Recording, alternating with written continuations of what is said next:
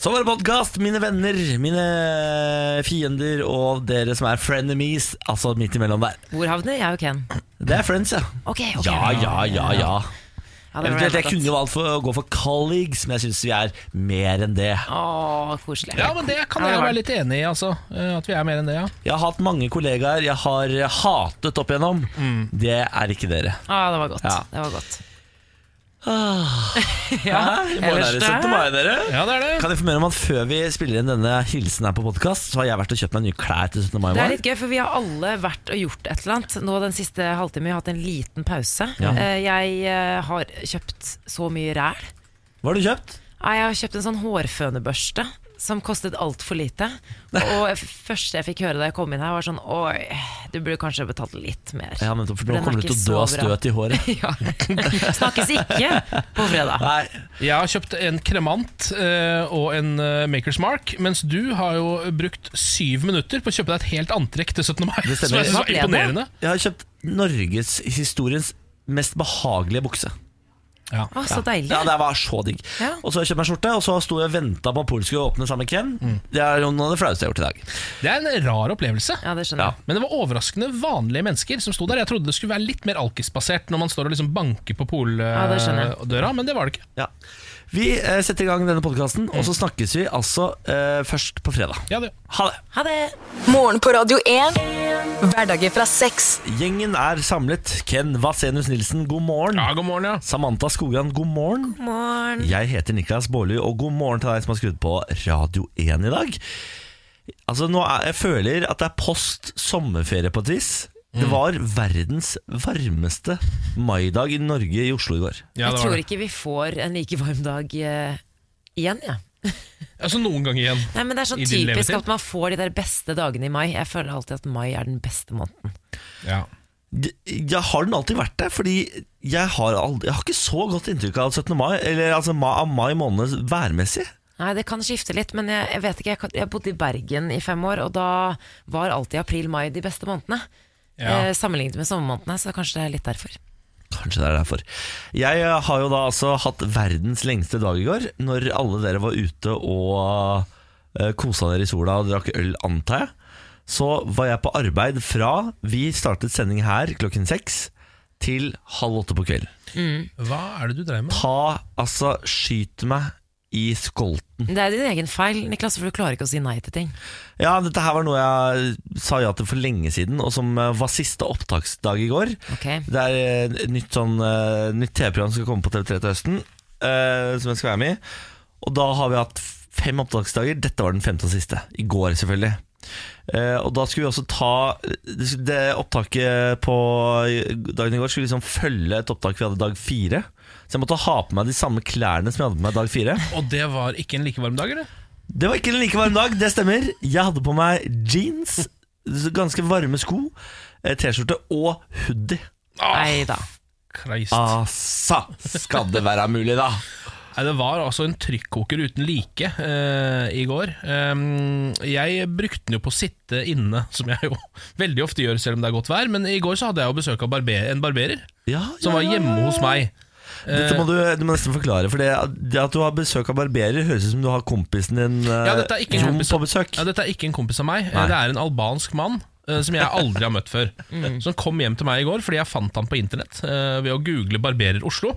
Eh, Og så var alle de vante barbererne mine var, eh, var eh, opptatt før 17. mai, fordi det er jo voldsomt med kø på de barbersjappene. Så jeg fant en kar som hadde tid, og det viste seg at han hadde ikke sin egen salong. Så han måtte komme hjem til meg og gjøre det. Um, det beit jeg på, det agnet. Det er som å be om å bli drept av en seriemorder. Ja, ja, Tenkte jeg i, i utgangspunktet. Ja, og det er jeg glad for at du tok opp, for jeg eh, begynte jo å angre etter hvert. Eh, Da begynte den angsten for å bare slippe en eh, fremmed mann inn i leiligheten min eh, å komme. Med, med barberblad Med mot halsen. Med barberblad mot min hals. Eh, Jeg begynte Alle de til jeg slo sammen én og én, og fikk åtte, holdt jeg på å si. Altså, det ble overload oppi hodet. Jeg fikk helt fullstendig panikk. Men det var for seint å avlyse det.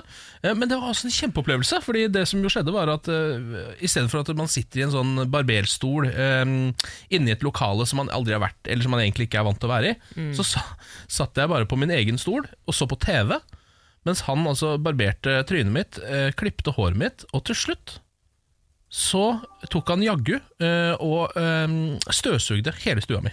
Nei, det er for vilt. Ja. ja, det er fantastisk. Du har funnet, eh, altså du fant uh, gullet i enden av regnbuen. Det var akkurat det jeg Og jeg det gjorde. var en albansk barberer.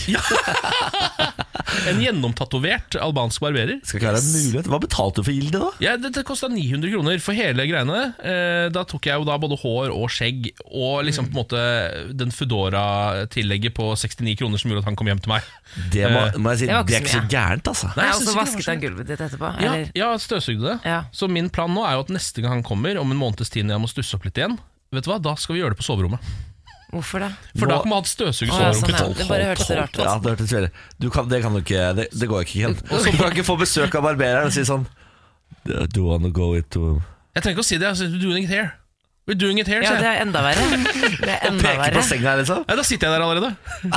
Ja. Here, come now. Now we're doing it. Right here, right now. Get going. Ja, dette, Dette her er blitt et sånn spennende, pirrende øyeblikk for i Ken sitt liv. Det her blir uh, en gang i måneden, det her. Ja, ja, det kommer jeg til å gjøre det ofte framover. Ja. Fy faen, Men du ser altså så rå ut, Ken. Ja, du gjør det. Fy faen, Terningkast seks rå. Skal, eh, jeg tror vi må til, til dere som ikke kan se, så skal vi legge ut et bilde, tror jeg. Ja. For så sommerfresh er du, Ken. Ja, syns du det? altså? Ja. Helt vilt sommerfresh, Ken. Men du er jo også tilbake på mustasjenivået. Altså, du har fått bort litt eh, opplegg, du også? Takk for det. Jeg har barbert eh, Jeg må jo barbere fram mustasjen. For jeg har såpass dårlig eh, mustasjevekst at jeg må liksom ta resten av fjeset for at den skal synes.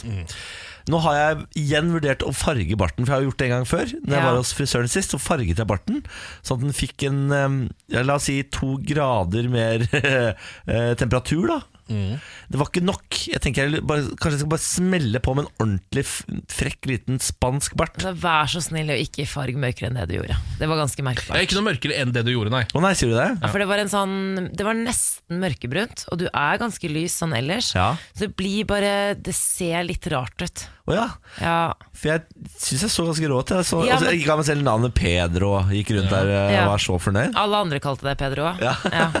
Noe annet du kan gjøre hvis du bare vil ha tydeligere bart og ikke vil havne i den eh, Pedro-fella, så kan du jo farge den eh, bare litt mer rødlig. Men det er også ganske synlig. Ja, da får jeg plutselig gingerbart. Ja, det gjør det. Jeg vet ikke om det er det jeg har lyst til å gå for. Hvorfor er det ingen som vil ha det? Jo, så han hopperen, han er Robert Johansson, han har jo sånn Ja. heftig eh, Gingerbart. gingersnurrebart, og den er jo dritkul. Ikke sant? Jeg tror ikke jeg har eh, like mye pondus som uh, han Robert Johansson. Og Han er jo tynn som en planke. Ja, men han har mye pondus allikevel. På Ja, måte, altså, det, han bærer det sjukt bra, faktisk. Jeg, vet, jeg er helt enig. Jeg vet faktisk ikke om du, om du klarer det.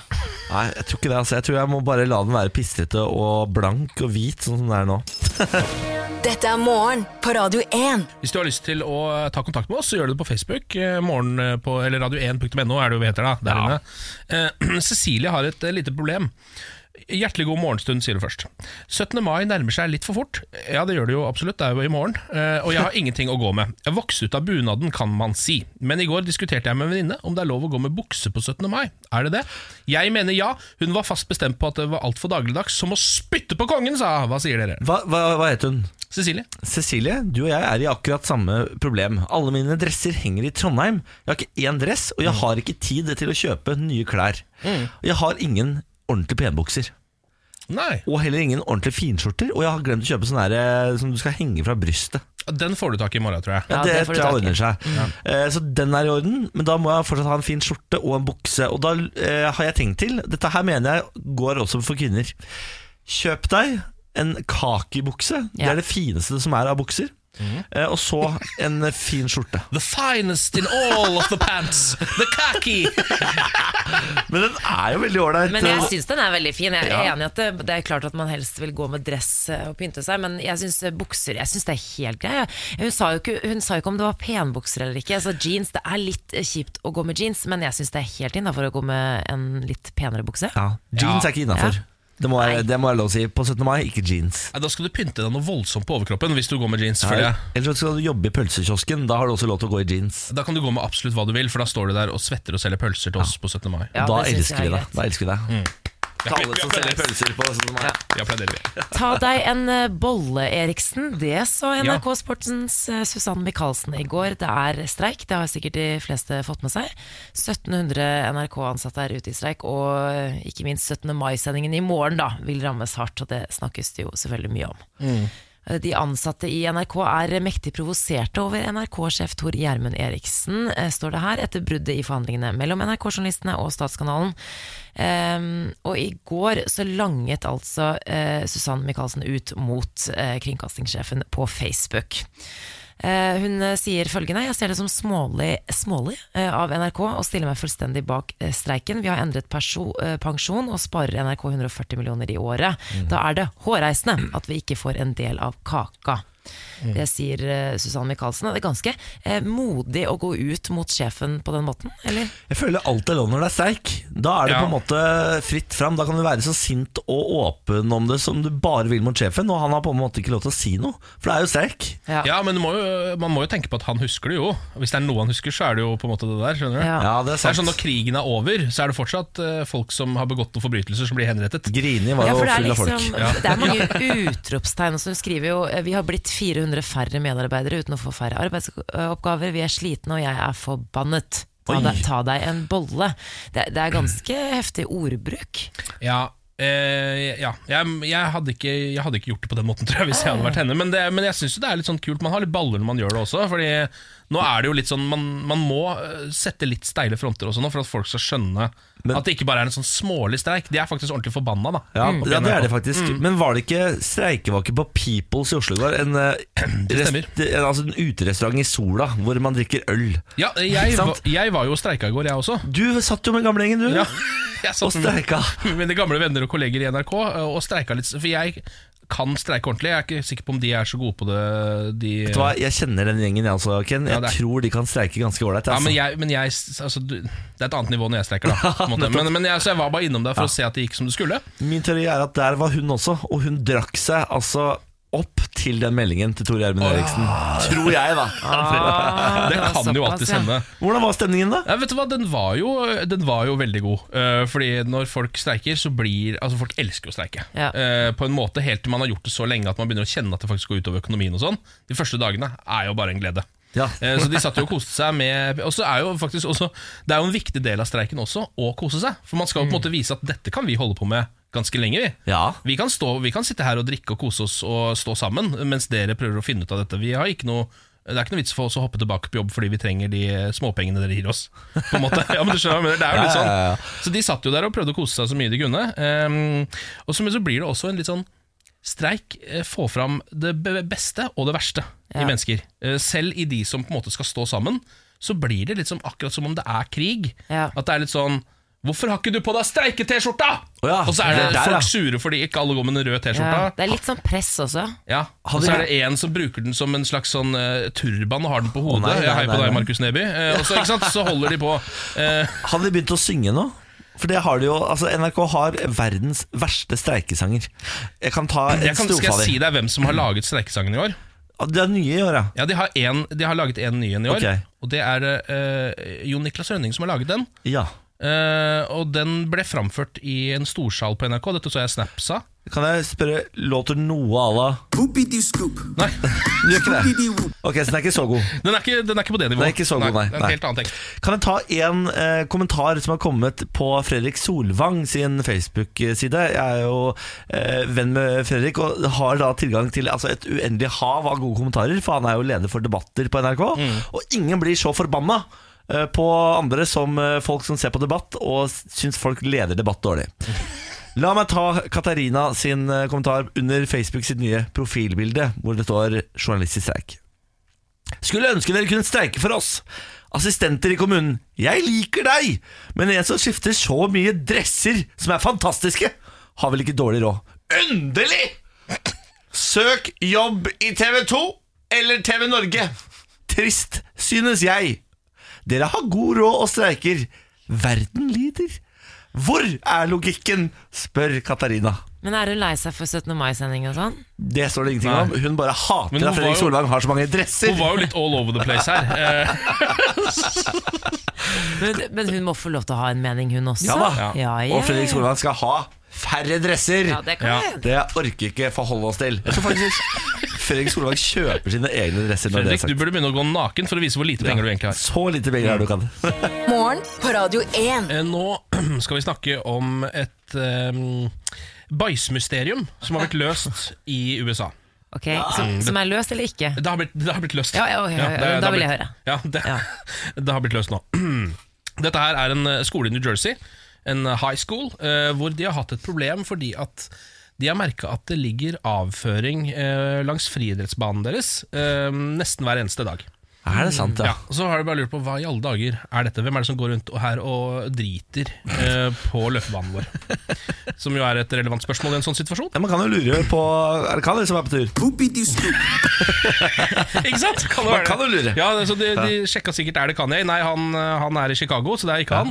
Um, så de satte opp overvåkningskameraer eh, rundt friidrettsbanen for å finne ut hva i alle dager var som foregikk her. Eh, og da, da viste det seg at eh, det var en mann som gikk rundt og dreit eh, på friidrettsbanen deres hver eneste dag. Og det var jaggu skoleinspektøren. Nei. Det var sjølveste inspektøren, ja. Sjølve skoleinspektøren, the superintendent Thomas Tramaglini, som gikk rundt der og eh, dreit. De er ikke så gode på personvern borti USA der når De det kommer bare- til sånne saker. De bare Nei. kjører på med navn og stillinger og alt mulig rart. Ja, her er det bilde av han. Ja, eh, selvfølgelig. og han ser helt sinnssyk ut på bildet, selvfølgelig. Det ser ut som en sånn mugshot. Og han har til og med et bitte lite herpesår på, på leppa. Altså så ille. Jeg liker overskriften 'Serial Pooper Identified'. Ja, Serial pooper. Seriebæsjeren Yes. har nå blitt identifisert. Og han har da eh, nå begynt å gå under navnet The Pooper Intendant på internett, selvfølgelig, på grunn av dette her. Det som er litt spesielt, er at siden han er skoleinspektør, så har man visst en slags sånn beskyttelse som gjør at han kan ikke bli straffet for dette. Å ja, sier du det? Ja. Han er som en diplomat. Han, han har Han er som kongen. Bæsjediplomat. Ja, han har diplomatiske rettigheter, så før 2020, da kontrakten hans går ut, så er det ingenting de kan gjøre med det. De kan ikke engang um, på en måte gi han en sånn suspension uten lønn. Nei, du Det er ingenting de kan gjøre. Han kan, så denne mannen ehm, lever videre, men eh, er jo nå da hengt ut over hele verden med herpesår på leppa og sin drithobby. Men det er vakkert. Det er meget Ja. vakkert. NRK-programleder opplevde rasismehets før 17. mai-sendingen. Eh, nå er det jo streik, så det blir jo ikke 17. mai-sending på NRK, mest sannsynlig. Eh, Noman eh, Mubashir skulle egentlig ha ledet eh, sendingen fra Slottsplassen i år, Ja. sammen med Hadi Njoye. Njoye. Og, Dennis Vareide. og Dennis Vareide, som er YouTube-stjerne. Prebz eller- og Dennis Dennis. Ja, ikke sant. Ja, ja, han var, var med i Farmen, blant annet. Ikke Ja, ja, ja, sant. Ja, ja. Eh, Noman Mubashir eh, skulle altså være programleder. Det var ikke alle like glade for. Eh, og da det ble annonsert at han skulle være programleder på NRK, så kom det altså eh, rasistisk hets på Facebook. Og eh, nå skal ikke jeg vie veldig mye oppmerksomhet eller få fram disse kommentarene. Jeg vil jo egentlig ikke spre eh, sånn tull og tøys, men eh, la meg lese opp noen av kommentarene her. 17. mai er en feiring av Norges grunnlov, ikke en feiring av multikulturell utopi. Dette kan NRK spare seg for. Tror ikke at man lar en gruppe hvite mennesker være programledere på nasjonaldagen i Pakistan eller Somalia, for å si det sånn. Ja Fjotolf har et internettilgang, ja. Eh, og så har du en annen en, så står det Ja, selv på vår egen nasjonaldag skal NRK presse på med flerkulturelle. Nåde dem som vil feire det ekte norske. Da blir man brennmerket.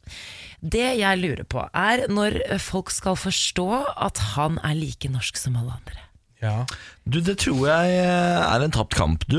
Eh, Ja, tapt og tapt, men jeg tror det er derfor det er sånn klisjé å si det. Men jeg tror det er derfor det er viktig at man eh, gang på gang eh, påpeker det her. Eh, Fordi det er sånn som meg, jeg er jo ikke helt norsk eh, selv, sånn hvis man ser på hvor jeg egentlig kommer fra. Nei, du er jo litt av burrito, du. Ja, der ser du. Men eh, ja. Meksikansk, også. En liten, en liten Nei, vi, eh, uten å gå videre på den. For det er, ikke, altså, det er ikke nedsettende mot meksikanere Jo, det er, det er kjempenedsettende, men vi er ikke i USA, så da går det faktisk greit. Ja. Men, Vi har men aldri brukt det før, så vi syns det var litt gøy. Vi. Ja, så, ja. Vi brukte masse. Ja, det. Oh, ja, Eh, sier det? ja. Ja. Ja, ja, ja. Beklager. Men, Litt av eh. Jeg synes det var så gøy. ja, men det er veldig søtt, da, om ikke Ja. annet. Ja. Men, eh, Du har sagt med hjertet, altså. Med sjel. Ja, det vet Ja. jeg. Det vet jeg. Men om jeg kan få snakke ferdig? Ja, beklager. Så. Syns jeg faktisk at det er eh, litt eh, irriterende. Ja, ja, men, ja, jeg er gæren. Folk må ta seg sammen, skjerpe seg, eh, eller flytte til Sverige. Det er vi enige om nå. Ja. Er det ikke Ja. det? Altså, nå må vi Kan man ikke snart innføre noen lover for hva det er lov å skrive på internett? Kan man ikke stramme til lite grann? Da tror, jeg, det, da tror jeg man tråkker et ordentlig vepsebol med ytringsfriheten og ja, hele det vet jeg, men må man ha så Ja, jeg orker ikke. Jeg, jeg kjører nå SM, Eller min eh, Facebook-innboks blir fylt opp med illsinte folk. Ikke gidd. Jeg orker ikke. Nei. Kan vi bytte tema til norske flagg? Det kan vi. Apropos dette. eh, jeg har nemlig funnet reglene på hvordan man skal behandle norske flagg. Vi snakket jo om dette i går. Mm. kan man subbe med flagg osv.? Kan Nei. man bli arrestert for å subbe med flagg? Nå har jeg funnet eh, fasit. Slik skal man behandle et norsk flagg. Man skal behandle et flagg med respekt. Et flagg skal aldri berøre bakken. Privatpersoner skal flagge med handelsflagget, mens staten skal flagge med statsflagget som har splitt og tunge. Ja, ja, ja, ja, ja. Visste du dette? Splitt og tunge? nei men jeg, bare, jeg har ikke fått tak i en sånn eh, flagg med splitt og tunge selv, så jeg regner med at det var en grunn til det. Ja, nei, det får du ikke tak i. Nei. Flaggets lengde skal være en tredjedel av lengden av flaggstangen når flaggstangen står på bakke. Ja, riktig. Er det såpass? Ja, da, Det er altså så mye regler her. Eh, ved flaggheising skal man ikke heise to flagg på samme flaggstang, for eksempel. Det har jeg aldri sett, så det Nei, nei, jeg har aldri sett det. Dersom et flagg skal brukes til dekorasjon, skal det henge fritt, ikke spikres eller kunne tråkkes på. Det visste jeg ikke. Jeg, hadde, jeg kunne fort funnet på å spikre opp en norsk flagg på en vegg, f.eks. Hvis jeg sånn. Ja, Har du sett det så ofte, da? Nei, men kan man bruke teip, f.eks.? Det står det heller ikke noe om. Nei, men det er jo tydeligvis helt andre regler enn i USA, da Fordi der gjør de jo alle disse tingene med flagget sitt. Altså De spikrer det opp, de har det på klær, de tar det på seg som er eh, alt lov. et skjørt. Ja, det er faktisk Altså, sant. Et, det, her, og det, det her er regelen som overrasker meg mest. Det er det siste vi tar. Et ødelagt eller slitt flagg skal enten brennes eller sprettes opp, slik at fargene skilles fra hverandre. Hæ? Men Ja, vi er jo en helt, kan man ikke vi er bare jo kaste det? helt galskapnasjon. Det skal ikke kastes. Det skal brennes, eller det skal sp sprettes opp, slik at fargene skilles fra hverandre. Men man kan jo ikke stå der og brenne det norske flagget. Det er jo ingen andre som vil skjønne at jo, men det står jo lovverk Altså Jeg kommer til å bli banka opp hvis jeg står og brenner det flagget på 17. Ja, ja, mai. Bare fordi jeg ser det er Men når det er så mye sånne regler, så blir jeg sånn, da får jeg lyst til å ikke bruke eller ikke gjøre noen ting. Ja. At Da tør man nesten ikke å ta i det engang. Jeg skal gå rundt med det meksikanske flagget her nå på 17. mai. Ja. Skal jeg gjøre. Morgen på Radio 1. Hverdager fra sex. Hvordan står det til deg, gjengen? Vi pleier å ha terningkast på dagsform. Ja, nei, altså øh, Vi er, har jo nasjonaldag i morgen, mm. øh, så jeg slår til med en sterk femmer. En sterk femmer, ja. Ja. ja. Jeg er nede på fireren, men det er bare fordi at jeg er veldig sulten, og så er jeg sånn fysen på noen snacks. Ja. Ja, men ikke akkurat, det er eh, 40 minutter siden. Jeg så du dø- døtta i deg tre sånne tok- rugsprø med tre kilo italiensk salat på. Eh, Jeg spiste opp hele boksen med kokt skinke oppå, men jeg har lyst på noen snacks. Men jeg, eller fire, stigende. Hva Vet du hvilken snacks du egentlig har lyst på? Nei, Det er derfor jeg er litt irritert akkurat nå, derfor jeg ligger på en firer. Ja, det er jo mulig vi kanskje bare må ta en tur ned på Vi, sender jo radio fra rett over Narvesen, og de der nystekte bollene De siger jo ut her, opp inn i vinduet her, og så blir man ja. altså så Ja, sulten. Ja. Eh, Så det kan godt hende at vi må ta oss en liten tur ned der for å For å hente noen boller til Samantha Takk, etterpå, så vi sørger for at dette her holder seg i sånn cirka vater. Ja. Dere, skal vi ta en eh, liten tur inn i det mykeste, deiligste, varmeste, mest behagelige rommet her i Morgen på Radio 1? Ja. Tenketanken. Deg som aldri har vært i Tenketanken før. Velkommen inn skal du være. Her må du ha på deg din mykeste stemme. Du kan ha på deg onepiece. Det er fortsatt lov her inne. Det eneste stedet i Norge faktisk det er lov å ha på seg onepiece. Du kan uh, ta på deg sånne her varmeflasker inn i onepiecen oh. hvis du har lyst til det. Mm. Og så kan man stille alle spørsmål der ute som du lurer på, og så må Ken, Samantha og jeg ta det imot uh, uten latter og uh, med alvor på et vis. Kan jeg stille dere et helt tullete spørsmål? Eller et fint spørsmål, da. Hvis skoen til Askepott passa perfekt, hvorfor falt den av?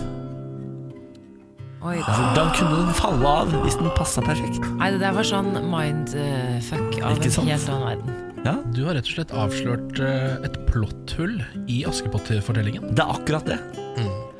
Jeg mener her har Walt Disney For han som skriver alle disse historiene. Svikta. Han har svikta på alle plan.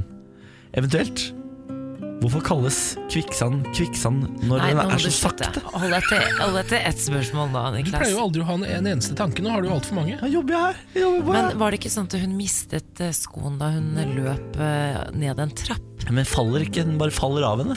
Huff. Ja, når, jeg når jeg tenker meg om, når jeg ser tilbake på filmen, så er det, stemmer det faktisk. Ja. Nei, men jeg, man har jo ikke noe svar på det. Ken, har du sett Askepott i det hele tatt? Ja, jeg har det. Uh, jeg har bare sett den, uh, den tsjekkiske versjonen. Da må jeg si. Oh, ja. Da har du sett den tsjekkiske versjonen. Den juleversjonen. Ja. Og den er Å, Det er jo Askepott! den- det er den vanligste Beklager, ingen karakterer i Tengedag. Ja, og I Norge den vanligste versjonen av Askepott, vil jeg tro. Altså, Ja. Den flest folk har sett. Tror du, tror du flere har sett den enn Disney-filmen? Absolutt. I Norge, sånn. Nå tror jeg du glemmer hvor ofte man ser en Disney-film som barn. Man, ser jo, man har jo sånn fire Disney-filmer som man ser på om og om og om. Jeg så Askepott mange ganger. Jeg tenker sånn, Kanskje det mest logiske svaret er at hun var eh, litt varm. Altså jeg flyr og blir varm på føttene, da Ja, fortsett. Eh, Så blir det jo litt hovne, og da Faller det ting av? Nei, nei, men jeg mener Da hun skulle prøve skoen, så var det jo liksom, da er det jo ute i varmen. At hun da, at hun da liksom sitter perfekt. Men på kvelden da hun var på ball, det blir kjøligere og hun slapper litt mer av, Ja. så blir den litt lausere rundt i kantene. Ja, det kan. Ikke, Er det lov med applaus? i- Nei, det er- jeg, jeg vet ikke. En annen teori er jo at hun rett og slett dansa så hardt at den ble tråkket av av noen. Eh, For det kan jo skje hvis Og man er ute på dansegulvet. Det er så vondt. Jeg har fortsatt vondt på toppen av foten min etter at jeg fikk en stiletthæl bare kjørt ned på en sånn diskodans. En eh, kråke av en jente. Vet du hva, kråker på dansegulvet. For et år siden, og det gjør fortsatt vondt. Slappa du henne? Jeg syns det burde være ulovlig for kråker å gå med stiletter. Er fordi det, det blir altså så mye ræl av det. Jeg orker ikke det. Kan jeg, her må jeg stille eh, Nå er vi ferdig i tanketaket, så nå kan jeg snakke vanlig. Men jeg har innsett at jeg klarer ikke gå vanlig. re- Rett frem. Jeg vet det. Hvordan går du? Hvis jeg og eh, Benjamin er ute og går sammen, så går jeg alltid på han. Jeg vet Ja! det. ja men du, Ja. du klarer ikke å gå i en rett linje. Du er sånn konstant brisen i gåingen. Ja, din. jeg vaser frem og Vet du hva, tilbake. det der tror jeg også er et slags sånn Jeg tror det rett og slett er sånn tiltrekningskraft. For jeg har kjent det selv, at hvis jeg er litt forelska i en jente, og vi er ute og går, så går man sånn og dukker litt borti hverandre. Dette gjør jeg selv om jeg er helt aleine. Du- ja. wow, og så, så skylder jeg på alle andre, og innimellom så er det verre enn andre ganger. For da tenker jeg sånn Fy faen, i dag er verden eh, i utakt med meg, tenker jeg. Når jeg går opp og ned Det er du som er i utakt med så verden, Bård. Det er liksom alltid sånn 14 mennesker på rekke og rad som jeg går rett inn i. Tenker jeg sånn Faen, kan ikke folk begynne å flytte seg? Og så bestemmer jeg for at nå skal jeg gå rett på. Nå er det min tur. Nå skal, nå skal jeg ikke vike for noen. Så går jeg rett fram. Marsjerer jeg nedover Karl Johan, og så krasjer jeg inn i gamle damer, og det blir dårlig stemning. Så, men så har jeg bestemt meg for nå er det min dag. Men så har jeg nå etter hvert innsett i en alder av 29 at det er jeg som er Ja, det er liksom din dag i dag, Niklas. Nå, nå, nå går vi videre. Ok Altså, i dag er det min dag! Jeg kan informere om til alle gamle damer som har tenkt seg en tur på Karl Johan i dag. Gå langt til sidene. Helt ut til sidene i dag. Jeg kommer til å marsjere nedover. dere ser bulldoser Bårli kommer nedover der. Bare vik. stor mann på vei ned. Morgen på Radio 1. Hverdager fra sex. Nå har vi fått besøk av Hanne Eggen Røiseth. Kan jeg klappe selv? Ja visst, absolutt. God morgen og velkommen hit. Takk. Du er altså forsker i Cyberforsvaret. Ja. Religionshistoriker. Ja. Forfatter. Gud hjelpe meg. Bosetter på hellig grunn. En reise blant jødiske nybyggere. For en liste. Eh, og nå skal vi snakke litt om konflikten som i atter en gang har blusset opp, eh, nemlig den mellom Israel og Palestina. Dette skjedde jo etter at eh, USA med Donald Trump i spissen i går åpnet ambassade i Jerusalem, og dermed også anerkjente Jerusalem på skikkelig som ny hovedstad i Israel. Ja, Han gjorde jo ikke det på ordentlig. Han kan Gjorde ikke gjøre det sjøl. Det er ikke noe han bestemmer, nei. men han vil. Han det vil. er litt stor forskjell. Ok. Hva, eh, vi- vi, vi kan starte med eh, først, Hanne. Ja. Vi- Hva er det eh, denne konflikten er? Gi oss en kort innføring i konflikten. Det er sånn, sånt, nå skulle jeg gjerne sagt vet du hva, det er, dette er lett. Det er eh, eh, to parter som vil sånn og sånn. Men sånn jevnt over, da. Um, Israelerne og palestinerne vil begge ha hver sin stat side om side med like rettigheter. Eh, det har de ikke. Eh, og mellom israelerne og palestinerne særlig, da, så er det fordi at eh, eh, palestinerne oppfatter seg selv som okkupert. De, har en, de bor delvis på det som heter Vestbredden, delvis på Gaza, litt i Jerusalem, spredd overalt. Siden Israel ble opprettet for akkurat 70 år siden, så har eh, palestinerne levd eh, uten en stat og vært flyktninger. Og det er, eh, de ønsker å få en stat opprettet igjen. Sånn. Men det er ganske mye mer enn det, da, selvfølgelig. Ja. Men så eh, er det denne ambassaden som man snakker om nå i disse dager. Hva, hva er det Israel vil oppnå å flytte ambassaden til Jerusalem? Både israelerne og palestinerne vil ha Jerusalem som sin hovedstad. Nettopp, ja. eh, og det får de ikke. Eh, Oslo-avtalen, som den er jo jammen meg litt gammel nå, men eh, eh, ja, Det var jeg plutselig oppdaget det er 1990 på 90-tallet, liksom. Men eh, i hvert fall, det den ikke tok i, er Jerusalem. Det er ingen som får det til. Begge vil ha Jerusalem som sin hovedstad. Og det er fordi, og det må jeg forklare litt, fordi Jerusalem er, eh, strengt tatt si, verdens helligste by for kristne, muslimer, for jøder. Den betyr mye mer enn bare de som bor der. Men eh, for enn bare de som bor der. Sånn at eh, det å få eierskap over Jerusalem er eierskap over mye mer enn bare en by. Det er liksom eierskap over hele historien, på en måte. Eh, og både jødenes og eh, Altså jødenes helligste sted ligger der. Muslimenes fjerde helligste. Kristenes, ikke sant. Via Dolorosa, alt dette Mm. Eh, sånn at eh, det å, skal vi si, å ha Jerusalem som sin hovedstad er ikke bare en sånn eh, administrativ greie. Men eh, for sånn at israelerne ser jo på Jerusalem som sin. Ja. Eh, men det internasjonale samfunnet, ingen anerkjenner Jerusalem som hovedstaden til Israel.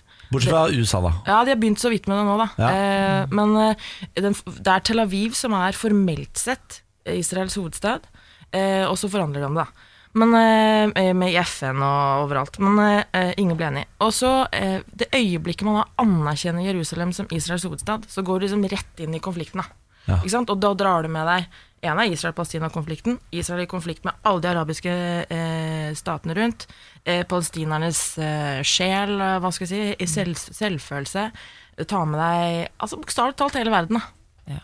Religion har vel mye å si også, da, sånn sett. Ja, for det går- klarer liksom ikke ta Det er liksom det når noen sier sånn Er det en religiøs konflikt, eller er det en konflikt om vann, eller er det en konflikt om selvstendighet? Det er en konflikt om alt sammen, og derfor er det så innmari vanskelig å forklare hva er det. Fordi at vi ser ofte på religion som sånn tro, ikke sant? Eh, hva tror du på? Men eh, det er en kristen sak, da. For, eh, for eh, muslimer og jøder så er jo det å være religiøs en måte å leve på. Da jeg skrev doktorgrad, kan jeg bare si en ting om det? Ja, det, En liten jo, veldig, veldig kort. Ja, si det kort. Ja, veldig kort. Ja. Da jeg skrev doktorgrad så, så, så om israelske soldater, så sa de noen ganger sånn Jeg skulle ønske jeg var mer religiøs, men jeg har ikke tid. Og helt sånn meningsløs setning. Ikke sant? uh, um, men det er fordi at det å være religiøs når du er jøde, det tar så mye tid. Må stå opp tidlig, Ja. så må du surre ting rundt armene, og så må du be og sånn, og så går det noen timer, så må du på'n igjen. Sånn? Men altså, dette vepsebolet eh, som, eh, som er Jerusalem, da. Du sier at det, det kommer ikke til å skje at de, det blir ho- anerkjent som hovedstad. Hva, hve- altså, hvem er det, Hvor mange land, hvem er det som må til? Hva er det som må til for at det kommer til å skje? Og hvorfor eh, kommer det ikke til å skje? Fordi nå har US, i USA åpenbart begynt å bli på lag. Og U- USA og Israel, hvem er det de da mangler for å ha, ha nok støtte? Eh, det er jo litt leit at de har Trump med seg, sånn sett. Kan man si, da. Ja. Eh, men, eh, men når jeg sier at de, de får ikke en stat de får ikke, Israel får ikke Jerusalem som sin, sta, sin, sin hovedstad bare ved at Trump mener det. Men det må jo bli godkjent i FN. Ja, det tror jeg. Og da ja, kommer du inn til Sikkerhetsrådet, eksempel, og da sier jo Russland som og vanlig vet og vet og vet, og vet, og. Der holder den konflikten her på å ralle rundt hele tida. For palestinerne har jo flere ganger de siste årene kommet seg til FN og nesten blitt anerkjent som stat. Ja. Men så kommer det dit, og så det, blir storpolitikk av det. Eh, sånn at, eh, men det at Trump er ganske interessant og ganske skummelt, på en måte, det som skjer nå, fordi eh, eh, det er mye av den konflikten som går litt sånn på rutine, har hørt det før, ikke sant? Eh, og, og ja, hva er det, liksom, hva er det de opptøyer nå? Og så går det ned da- avtale, så begynner det på nytt igjen. Men nå, når, med Trump, så eh, ligger jo det nye som skjer nå, da, er at han som en amerikansk president legger seg bak Israel sånn fullt og helt, og sier ikke, sånn som amerikanske presidenter har sagt før Vet du hva, Vi vil gjerne liksom være litt på greie med alle sammen og mener liksom palestinerne skal få litt støtte og israelerne må oppføre seg bedre og sånn. Han sier nei, eh, jeg er på Israels lag. Fullt og helt. Så da boostes også eh, over, amerikanske overføringer til det israelske militærbudsjettet, Ja. eksempel. Som gjør at mye av det som er i gang nå, da, med israelsk okkupasjon f.eks., kan opprettholdes, for det er innmari dyrt. Um, og, og for Israel dette her, det tar jo Forsvarsbudsjettet til Israel er faktisk eh, nesten eh, 20% av statsbudsjettet. Det er veldig veldig mye. Vi snakker om sånn 2% sånn, sånn hjemme. Um, Men ah, ok, vepsebolet er rista. USA eh, har valgt side for første gang. Eh, Hvor, eh, hvor hvor ille kan dette ende, da? Nei, altså jeg tror ikke at Jeg tror ikke noe på noe Det skal godt gjøres at vi får det så mye sånn At det blir en storkrig. Det er ingen som ønsker det.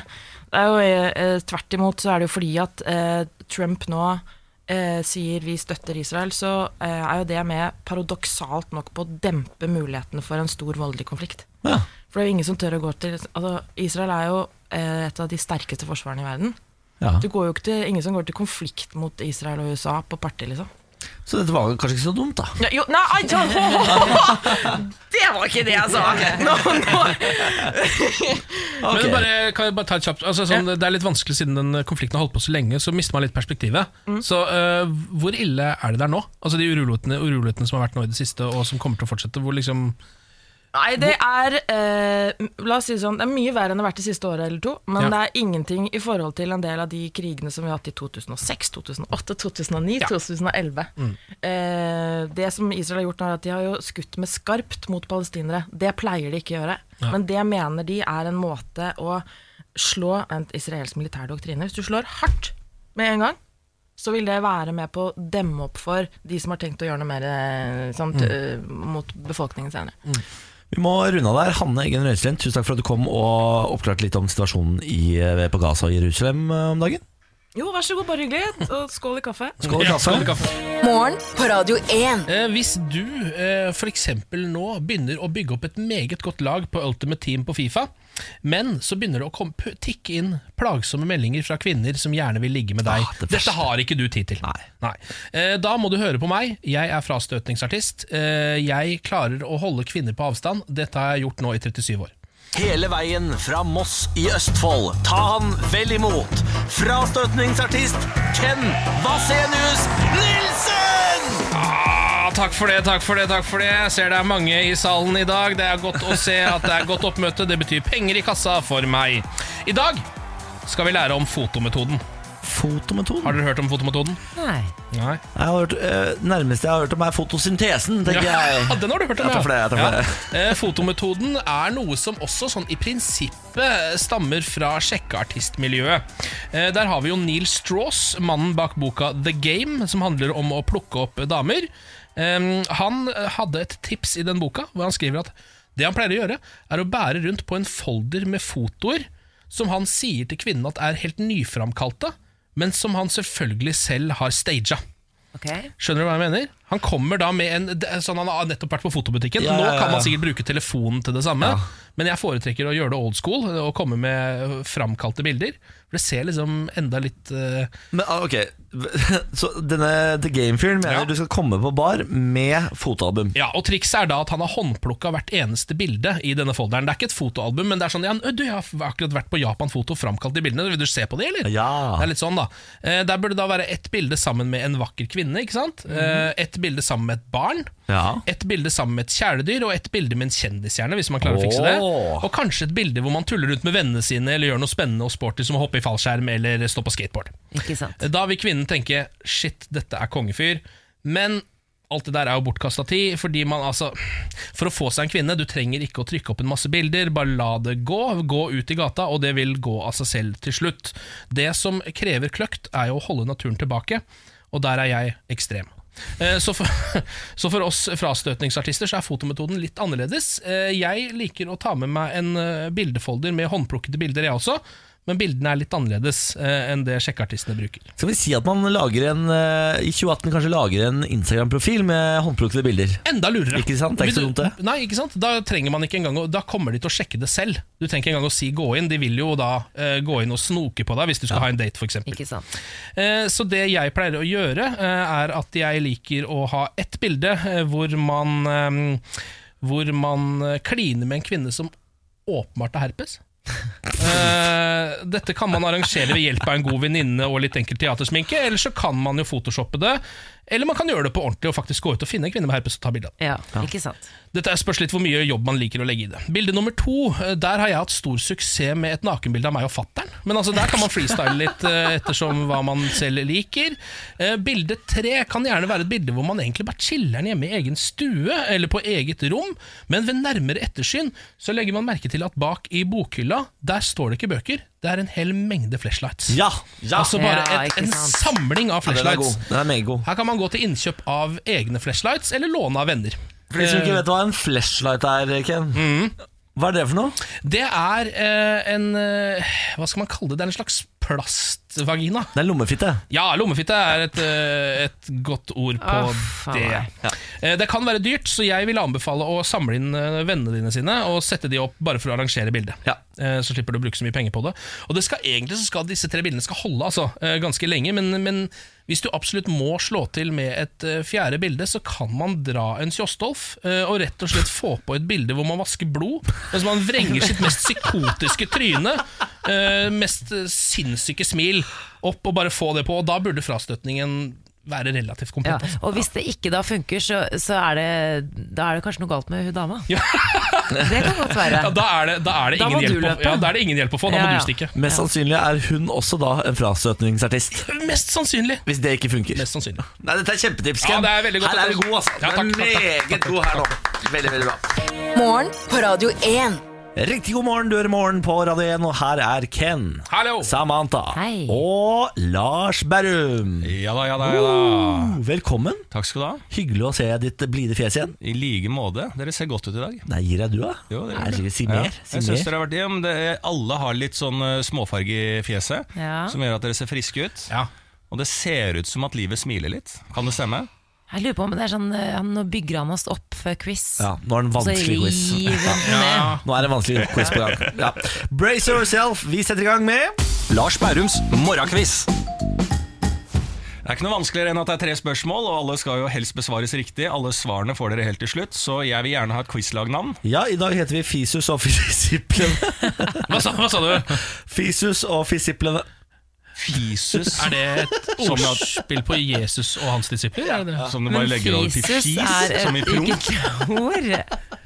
Jeg er usikker på om fisus er bra Den nok. er- Andre har passa bedre å si Jesus. For første gang på lenge så tror jeg kanskje ikke det er godkjent. Er det ikke Nei, det godkjent? kan ikke Og være hva er godkjent. Vi kan ikke Er synke ikke så det lavt. Eller Ja, dere men kan ikke vi synke så som lavt. lag, Når Lars er såpass hard, da må jo vi som lag gå sammen om Jeg Fisus har og jo Fisiplene. ikke annet enn å ha vært veldig hyggelig.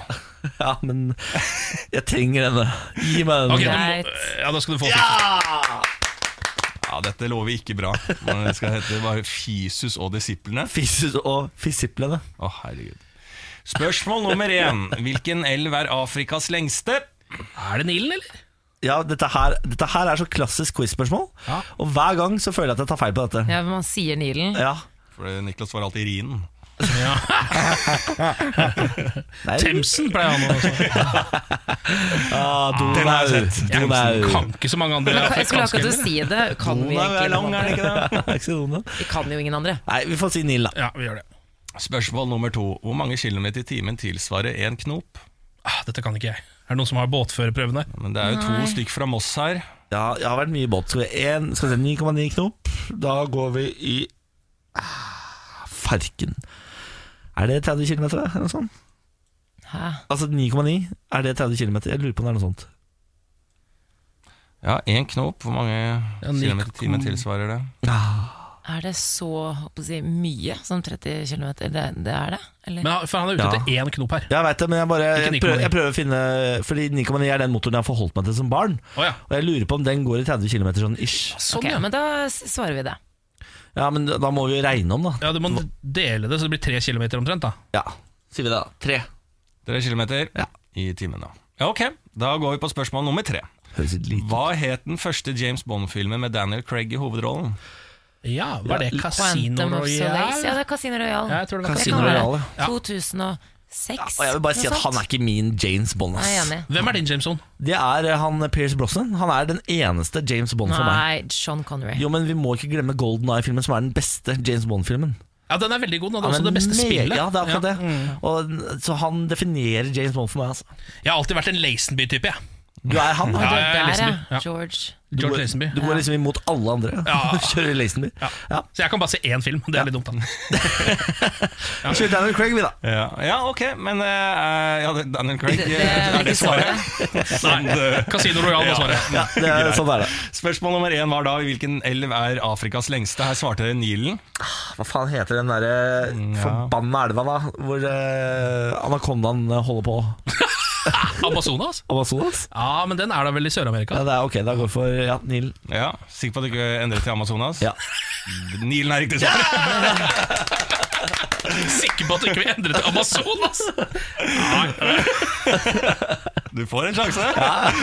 Uh, spørsmål nummer to. Og Niklas bare sier fra hvis du vil endre svaret Ja, takk, eh, senere takk. i quizen. Eh, hvor mange kilometer i timen tilsvarer en knop? Her var det fint resonnement, da. Eh, det riktige svaret er 1,8 cirka. Ah. Okay. Dere er nært, svarte tre, så dere skulle ja. Hadde det vært 2,5 dere svarte Ja. liksom Ja. 2,5 Ja. km i timen, så skulle dere fått det. Men det blir altså. feil, altså. Farken, altså.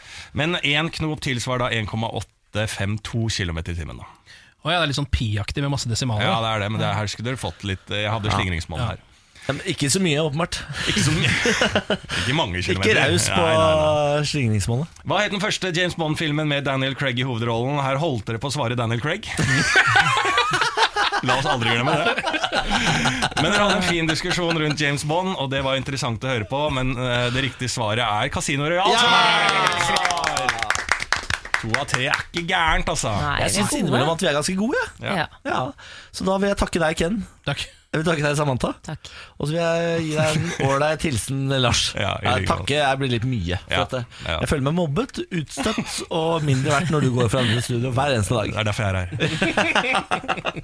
Vi ses igjen Ja, vi gjør på det. andre siden. Ja. Farvel. Farvel. Morgen på Radio 1. Dere, rød-grønn splid etter SP-krav om 17. mai-pause i NRK-streiken. Ja.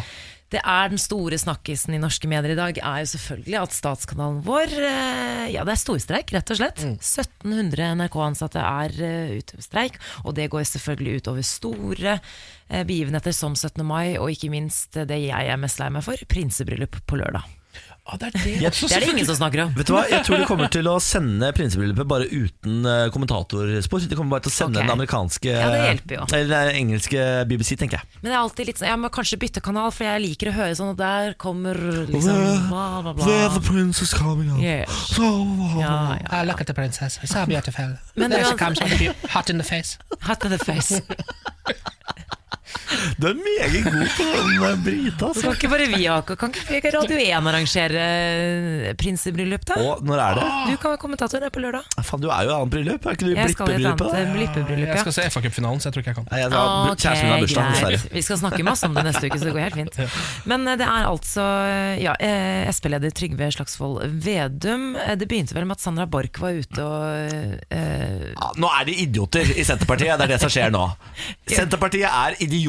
Det var ikke det jeg skulle si. Jeg skulle si at de vil, de vil på vegne av folket Ah. si at det er veldig synd at det ikke blir 17. mai-sending, så de spør jo da om pause i streiken.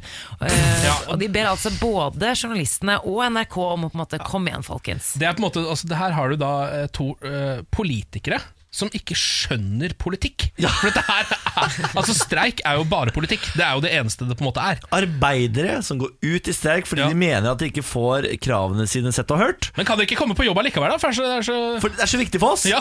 men da må dere jo betale oss for det! Det er jo det som er poenget! Jeg synes det er faktisk morsomt. Sandra Borch sier jeg har full forståelse for streiken, men NRK er viktig for mange, særlig viktig for de mange gamle som ikke kommer seg ut for å feire grunnlovsdagen. Ja, Skru på TV2, da vel. De har Ja. mai-sending, de òg. De har det. Eh, Er det å spytte på arbeidsfolks rettigheter? Og skru på TV2. Spørsmålstegn. Nei, og, og gå ut og be om pause. Ja, det er det. Det er jo det det er. Altså, Sandra Borch, uh, Trygve, uh, nå må dere gi dere. Nå må dere faktisk gi dere. Eh, De får ikke, eh, de får ikke støtte fra verken sin egen nestleder i Senterpartiet eller andre rød-grønne kamerater. Det er greit at dere har den streiken, men kan dere ikke i hvert fall sende, liksom, altså, i hvert fall sende 17. mai-sendingene og Radioresepsjonen og Dagsrevyen og Dagsnytt 18, da, for det liker vi så godt. Det Vet du vi synes som er ålreit. Så dere hva, hva som kom istedenfor Dagsrevyen? Nei. Eh, Kjempepandaer. Åh! Det er. Istedenfor Dagsrevyen så var det en dokumentar 'En panda kommer til verden'. Altså, La denne streiken holde på. Jeg synes det, var, det var faktisk litt morsomt. Jeg, ser, jeg så bare to store pandaer. Det er kjempekoselig. Det, kjempesøte. Det elsker jeg. Åh, det er veldig deilig. Eh, ok, Vi har jo en spalte som heter eh, Morgen på Radio 1 Aviser av Norge. Hvor vi dykker ned i en lokalavis hver eneste uke. Og Denne uka så er det jo Strilen fra Nordhordland, steder som Lindås, Mæland, Radøy, Austrheim, Fedje og Masfjorden blir dekket av denne avisen. Eh, lokalavisen. Vi har vært innom eh, saker som kjøpte sin tolvte bil fra samme butikk, og Grete og familien har drevet butikk i 54 år på Kløve. Vi vil igjen bare si at hun Grete er en rå dame. Hun Ja. har altså vært syk fra jobb én gang. Ja, Og det var fordi hun hadde hva var Skulle føde? Ja, det, var, jeg lurer på om det nesten var fødselen. det var noe fødsel, ja. Ja. ja. Eh, hun dro ikke engang til syke, det sykehuset hun egentlig skulle på for å føde, for det var så langt unna. Så Ja. tok det bare fødte rett ved siden av butikken. Når hun brakk foten, så satt hun foten på en stol og Ja. jobba seg gjennom dagen, og så tok hun seg beinet etterpå. Ja, så tok hun seg Altså, beinet. altså, så rå dame. Grete, eh, du får en stor applaus. Eh, Nå er det en litt eh, annerledes sak som vi skal ta i dag. Hytteeier klaga på plagsam sau. Eh, En sau ble for mye for en hyttemann på Hosteland i Masfjorden. Jeg veit ikke helt hva han ville vi skulle gjøre, men meldingen gikk ut på at han, han, det hadde gått en enslig sau i nærleiken av hytta hans ei ukes tid, og at han fant dette plagsomt. Det er mulig han mente vi skulle hente sauen og føre han tilbake til flokken sin, eller finne eieren, sier Kurt Inge Hordvik i Nordhordland lensmannsdistrikt. Politiet rykte ikke ut på oppdraget. Det, eh, jeg kan ikke skjønne at hvis du er hytteeier, så blir du lei av sau. Er ikke det det koseligste med å ha hytte, da? Dette er jo en hytteeier som har stått og sett på en sau en ukes tid, som har gått rundt utafor, og så har han blitt irritert på sauen og ringt politiet. Kanskje han er redd for sau? Ja, det kan jo hende det Kanskje det det. er en truende sau? Ja, kan sau være truende? Ehm, ja. Det er ikke ofte man leser om plagsomme sauer. Plagsom og sau i samme setning. Så. Sauegutten da. Hæ? Altså, sauer er så søte. Eh, Når vi var på hytta som barn, så skulle vi ut og Hva er det sauer er så glad i? Salt? Ja, okay. Eller er det sukker? Vi tok i hvert fall med oss feil. ja. Mamma og jeg og søsteren min skulle ut og kose på sau, og hadde med oss eh, salt Nei, sukker tror jeg vi hadde med, de er jo veldig glad i salt. Og bort til sauene med dette jævla sukkeret. Og sauen nekter å slikke dette, og jeg blir altså så forbanna på den sauen! Jeg blir så illsint at jeg begynner å gråte, husker jeg. Mamma ta, må vi gå hjem, gutten, min, må gå hjem. Så jeg skjønner, jeg skjønner han fyren her så godt. Det er lov å bli forbanna på sau når du ikke slikker ut av hendene dine. ja. Er Da er det bare å ringe til politiet, men som, altså, de kommer sannsynligvis ikke til å komme og ta oppdraget. da Så det er Dessverre. vite, ja. Dessverre. Eh, Det var dagens eh, Aviser i Norge, det. Takk for alt. Morgen på Radio 1. Hverdager fra seks. Riktig god morgen, dette er Morgen på Radio 1 med Ken. Hei! Samantha. Oi. Og jeg heter Niklas Baarli. Og har du ikke sett at vi har fått storfint besøk inn i radiostudio?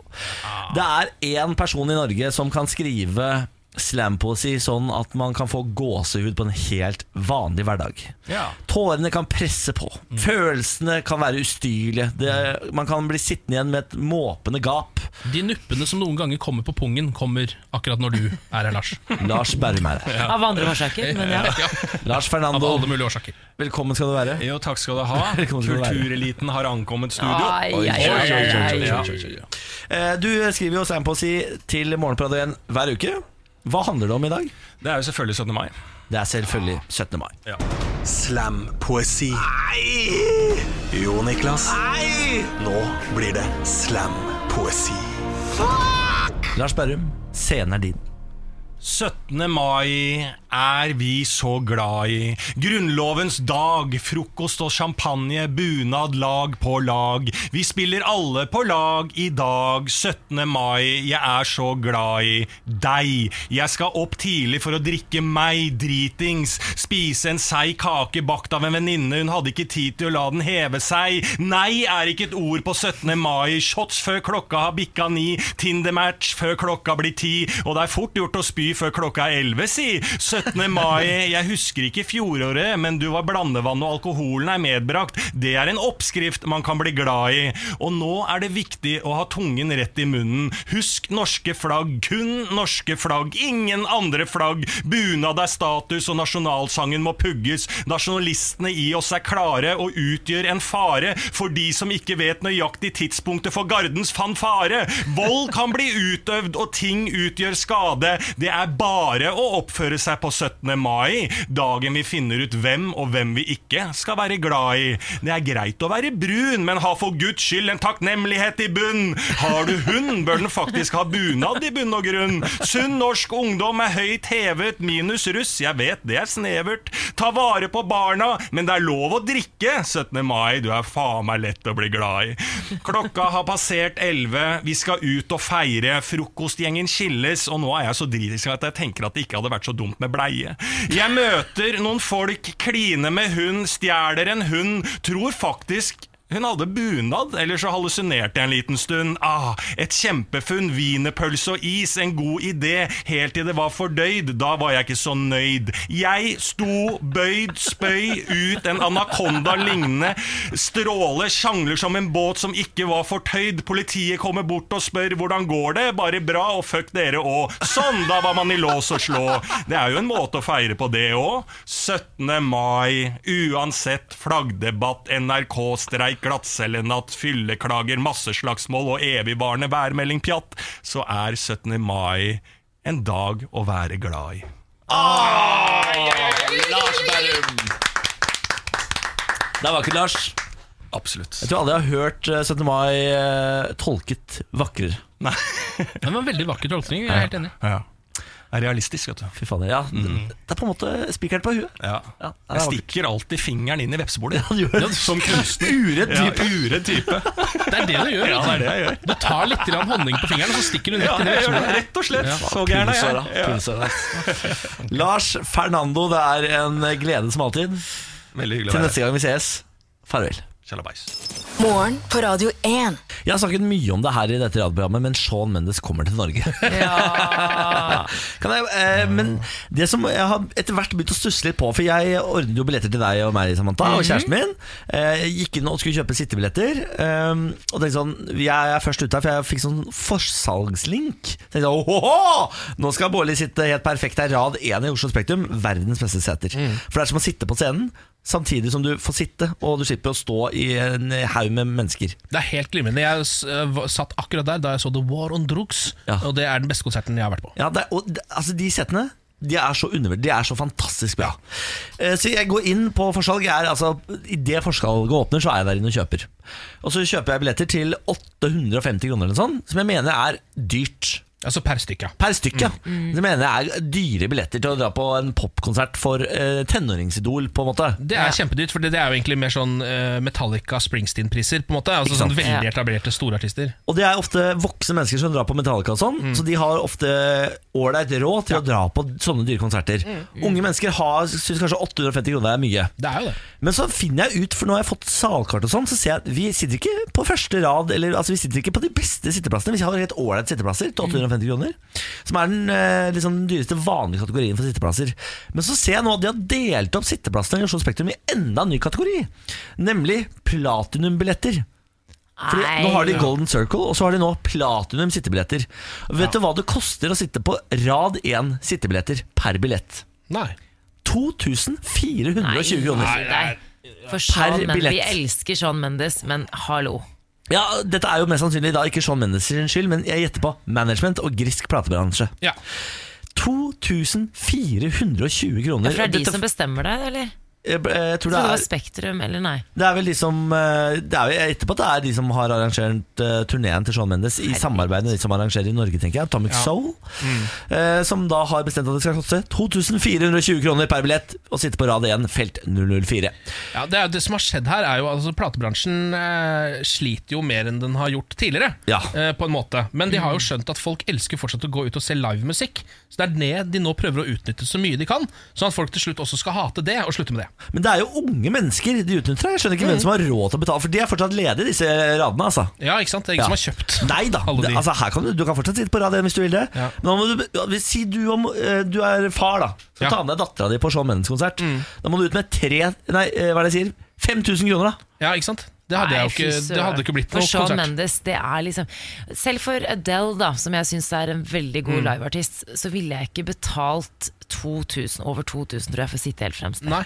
Altså, eh, det er sånn Ikke engang Rihanna kan ta så Nei, nei, sinnssyke nei. priser som Nei, det. er helt? Helt enig. Og da får du ikke meet and greet engang. Jeg bare nevner det. Nei, det, der er, det er drøye greier. Det skal ikke være mulig! Jeg håper at ingen kjøper de billettene, sånn at det står helt tomt og ser Ja. flaut og jævlig ut og ødelegger litt av konserten. Så slutter de med det til slutt. Og så sniker vi oss frem eh, Ja, til de setene. Da blir det De gratis. Jeg skal, jeg, skal, jeg skal rope på en vakt sånn Hei, vakt! Hei! Nei.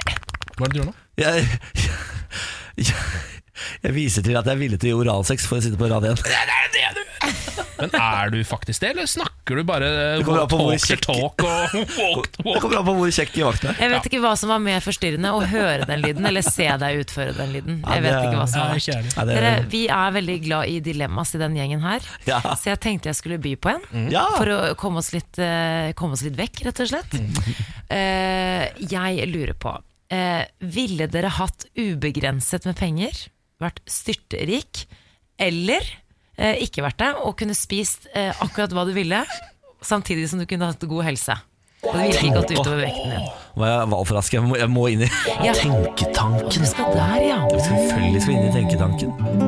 For det her er jo Og beklager, velkommen inn i tenketanken, kjære lyttevenn. Dette er jo det mykeste rommet i Morgenbladet igjen. Her har du lov til å ha på deg onepiece. Alt er lov å stille spørsmål om. Ingen har lov til å le av deg. Og du må snakke med myk stemme. Kan jeg eh, bare til eh, agenda, på en måte. Eh, hvis jeg Altså har jeg, hvis jeg ikke velger å bli styrtrik, har jeg da den lønnen jeg har nå? På en Ja, måte? du er den personen du er nå, ja. Og så kan jeg spise hva jeg vil, og fortsatt uh, opprettholde svært god helse? Men blir jeg fit? Altså, blir jeg, det det er denne kroppen, på en måte? Ja. eh, For å si det sånn, da, eh, da hvis du er styrtrik, ja. Ja. Ja, det er denne kroppen, ja. Ja, Det er den men nei, kroppen hvis du jeg har. får spise hva jeg vil, og beholde helsen og ha den jobben jeg har i dag Ja, det, ja, det er den kroppen du har nå, ja. Men du, går, du legger ikke på deg, på en måte uansett hva du gjør. Men Uansett kropp- hva du gjør. Min kropp er allerede sånn eh, 10-15% over god helse, så det blir veldig dumt for meg å ta det valget. Jeg også har jo det problemet, ikke sant?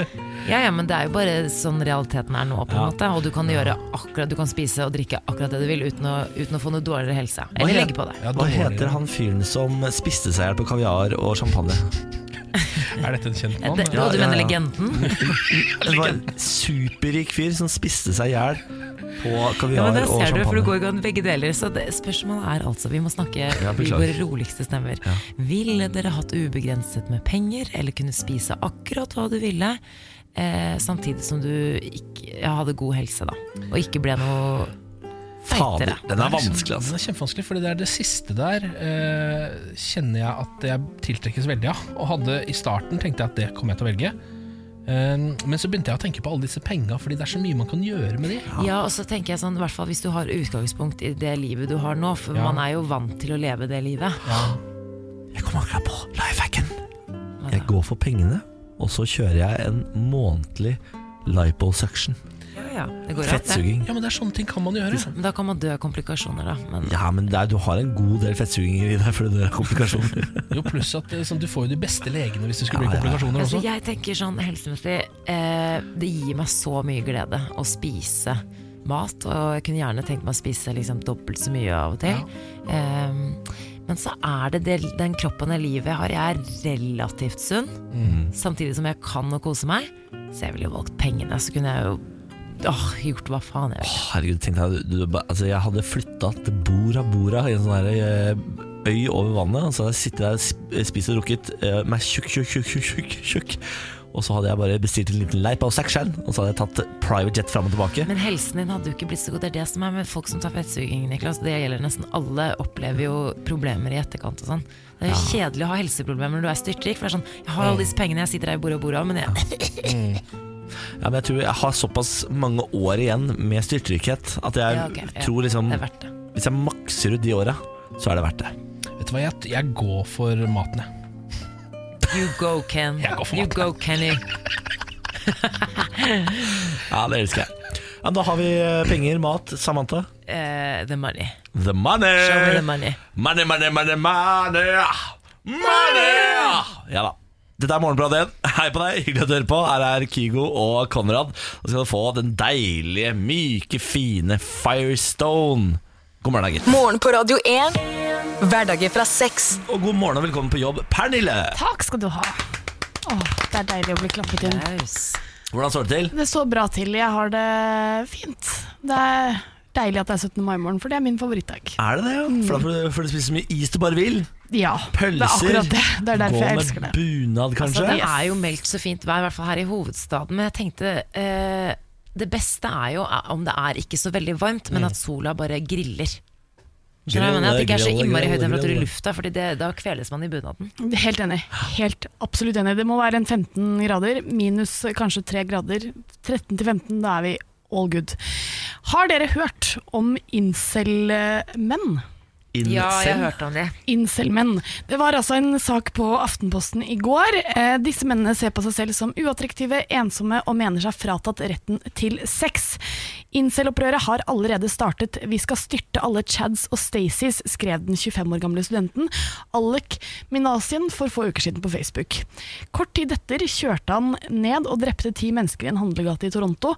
Åtte av de ti drepte var kvinner, og 16 personer ble sendt til sykehus. Altså, incels, bare for å bryte inn, jeg tror det står for involuntary celibacy. Altså, det er folk, oh, ja, ja. menn, det er sinte hvite menn som ikke får sex. Akkurat, det er akkurat det de består, det står for. Og det, er, det brukes ja, da om frustrerte menn som sliter med å finne kjærlighetspartnere, og som deler disse ensomme erfaringene med hverandre på nettforum. Aha, altså seksuelt frustrerte menn som lar sitt sinne gå ut utover andre. Yes. Ja. Og Det, ja. Dette har vi jo hatt siden tidenes morgen, bare at de har ikke organisert seg så veldig mye før. Nei. Nei. Og jeg syns det er på en måte litt håpløst, fordi at de mener jo da at eh, de har rett på, eller de føler seg fratatt retten til sex. Man må huske at sex er en menneskerett. Eh, og et skylde på da primært kvinner, og spesielt Stacys, som da er attraktive kvinner som avviser vanlige menn til fordel for attraktive rike menn, som da kalles chads. Ja. Ah, Ok, Ja, jeg kan jo eh, forstå at man blir frustrert hvis man er eh, ensom og aldri får eh, nærkontakt og sånn, men da finnes det faktisk land man kan reise til hvor det er lov å kjøpe sex. Jeg vil si Det er en bedre løsning enn å kjøre ned folk. Ja, det vil jeg kunne si. Ja, jeg er helt enig, og det er jo ikke, han er ikke han Alex Menasien er ikke det første incel-medlemmet som dreper. For i 2016 så skjøt 26-åringen Chris Harper Mercer ni mennesker på et college i USA.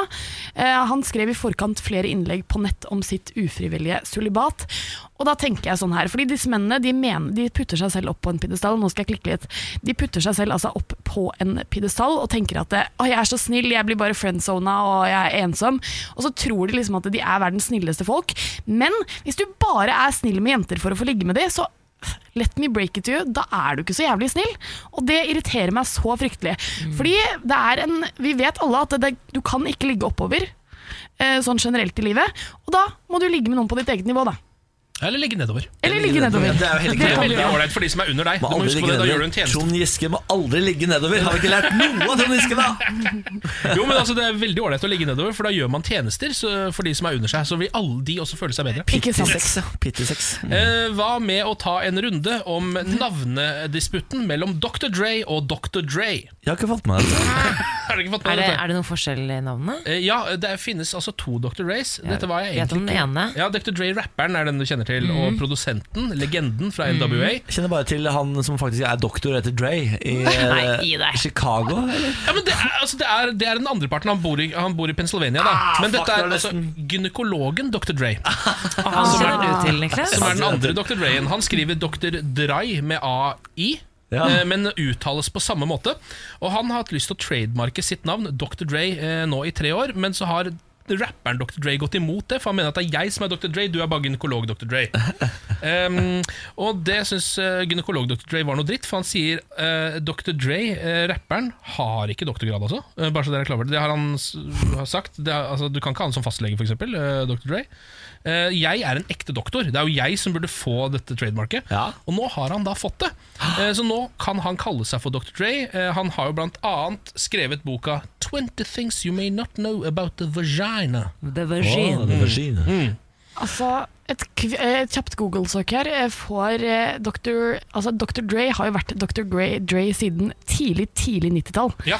Eh, og da mener jeg da at eh, kan ikke gynekolog Dr. Dre ferdig utdanna i 2011 komme og Ja, bare ja. trademarke, Enig. liksom? For han er så ny, ja. Jeg tenkte Jeg Her det, er en gammel fyr på 60 som uh, nå har sett seg lei av å bli oppringt av folk som sier, vil være fangirls. Han har holdt på noen år, uh, men det som jo nå har skjedd, er at begge får jo lov å hete Dr. Dre. Ja, så bra, da. Men det kan jo bli litt forvirrende, uh, så folk må, må folk folk passe på at hvis du skal ha gynekologtime, ikke gå til Andre Young. Nei. Han kan ikke fikse det greiene Det det var lite raust av eh, rapper-Dre å ikke la gynekolog-Dre få lov til å hete Dr. Dre. Ja, det synes jeg er veldig lite raust. Veldig lite Ja. raust. Jeg synes Det, der det kunne du virker som det er gynekologen som er sinna, da. Ja, jeg tror aldri Dr. Dre har blitt sagt så mange ganger i løpet av to minutter. Men tror du ikke. Men er det ikke Dr. rapper Dr. Dre som har sagt nei, du får ikke lov til å være Jo. gynekolog Dr. Jo, Dre? jo.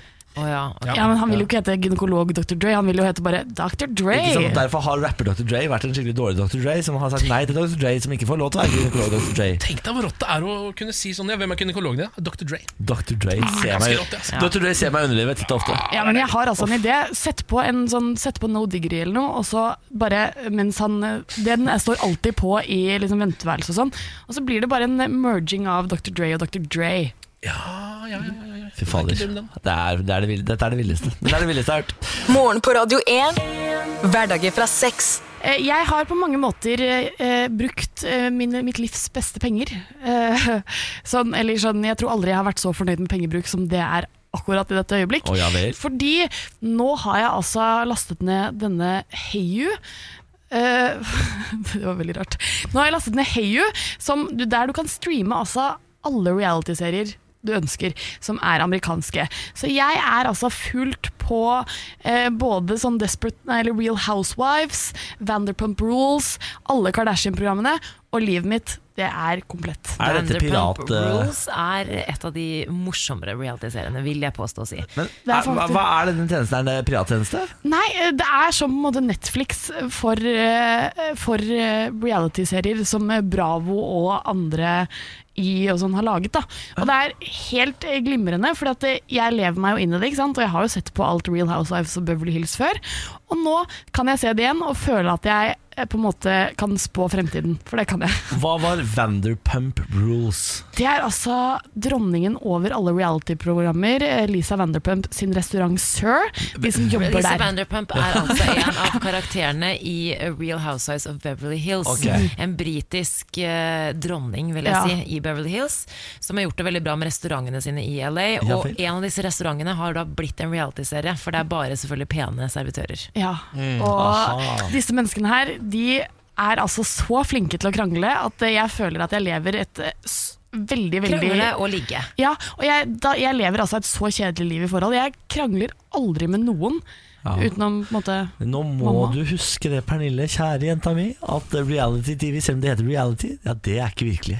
Det Jeg- lærte vi av The Hills. Eh, Ja, men The Hills var jo ikke virkelig Nei, men det, jeg mener Vi lærte det av det. Det var det første reality hvor vi skjønte, eh, liksom, eh, forsto at det var manus. Det Mhm. avslørte de i siste episode. Hvis dere ser på The Good Fight, oppfølgeren til The Good Wife, så vil dere se at uh, Diane har en sak som handler om reality-TV, og det er ganske scripta, hele greiene.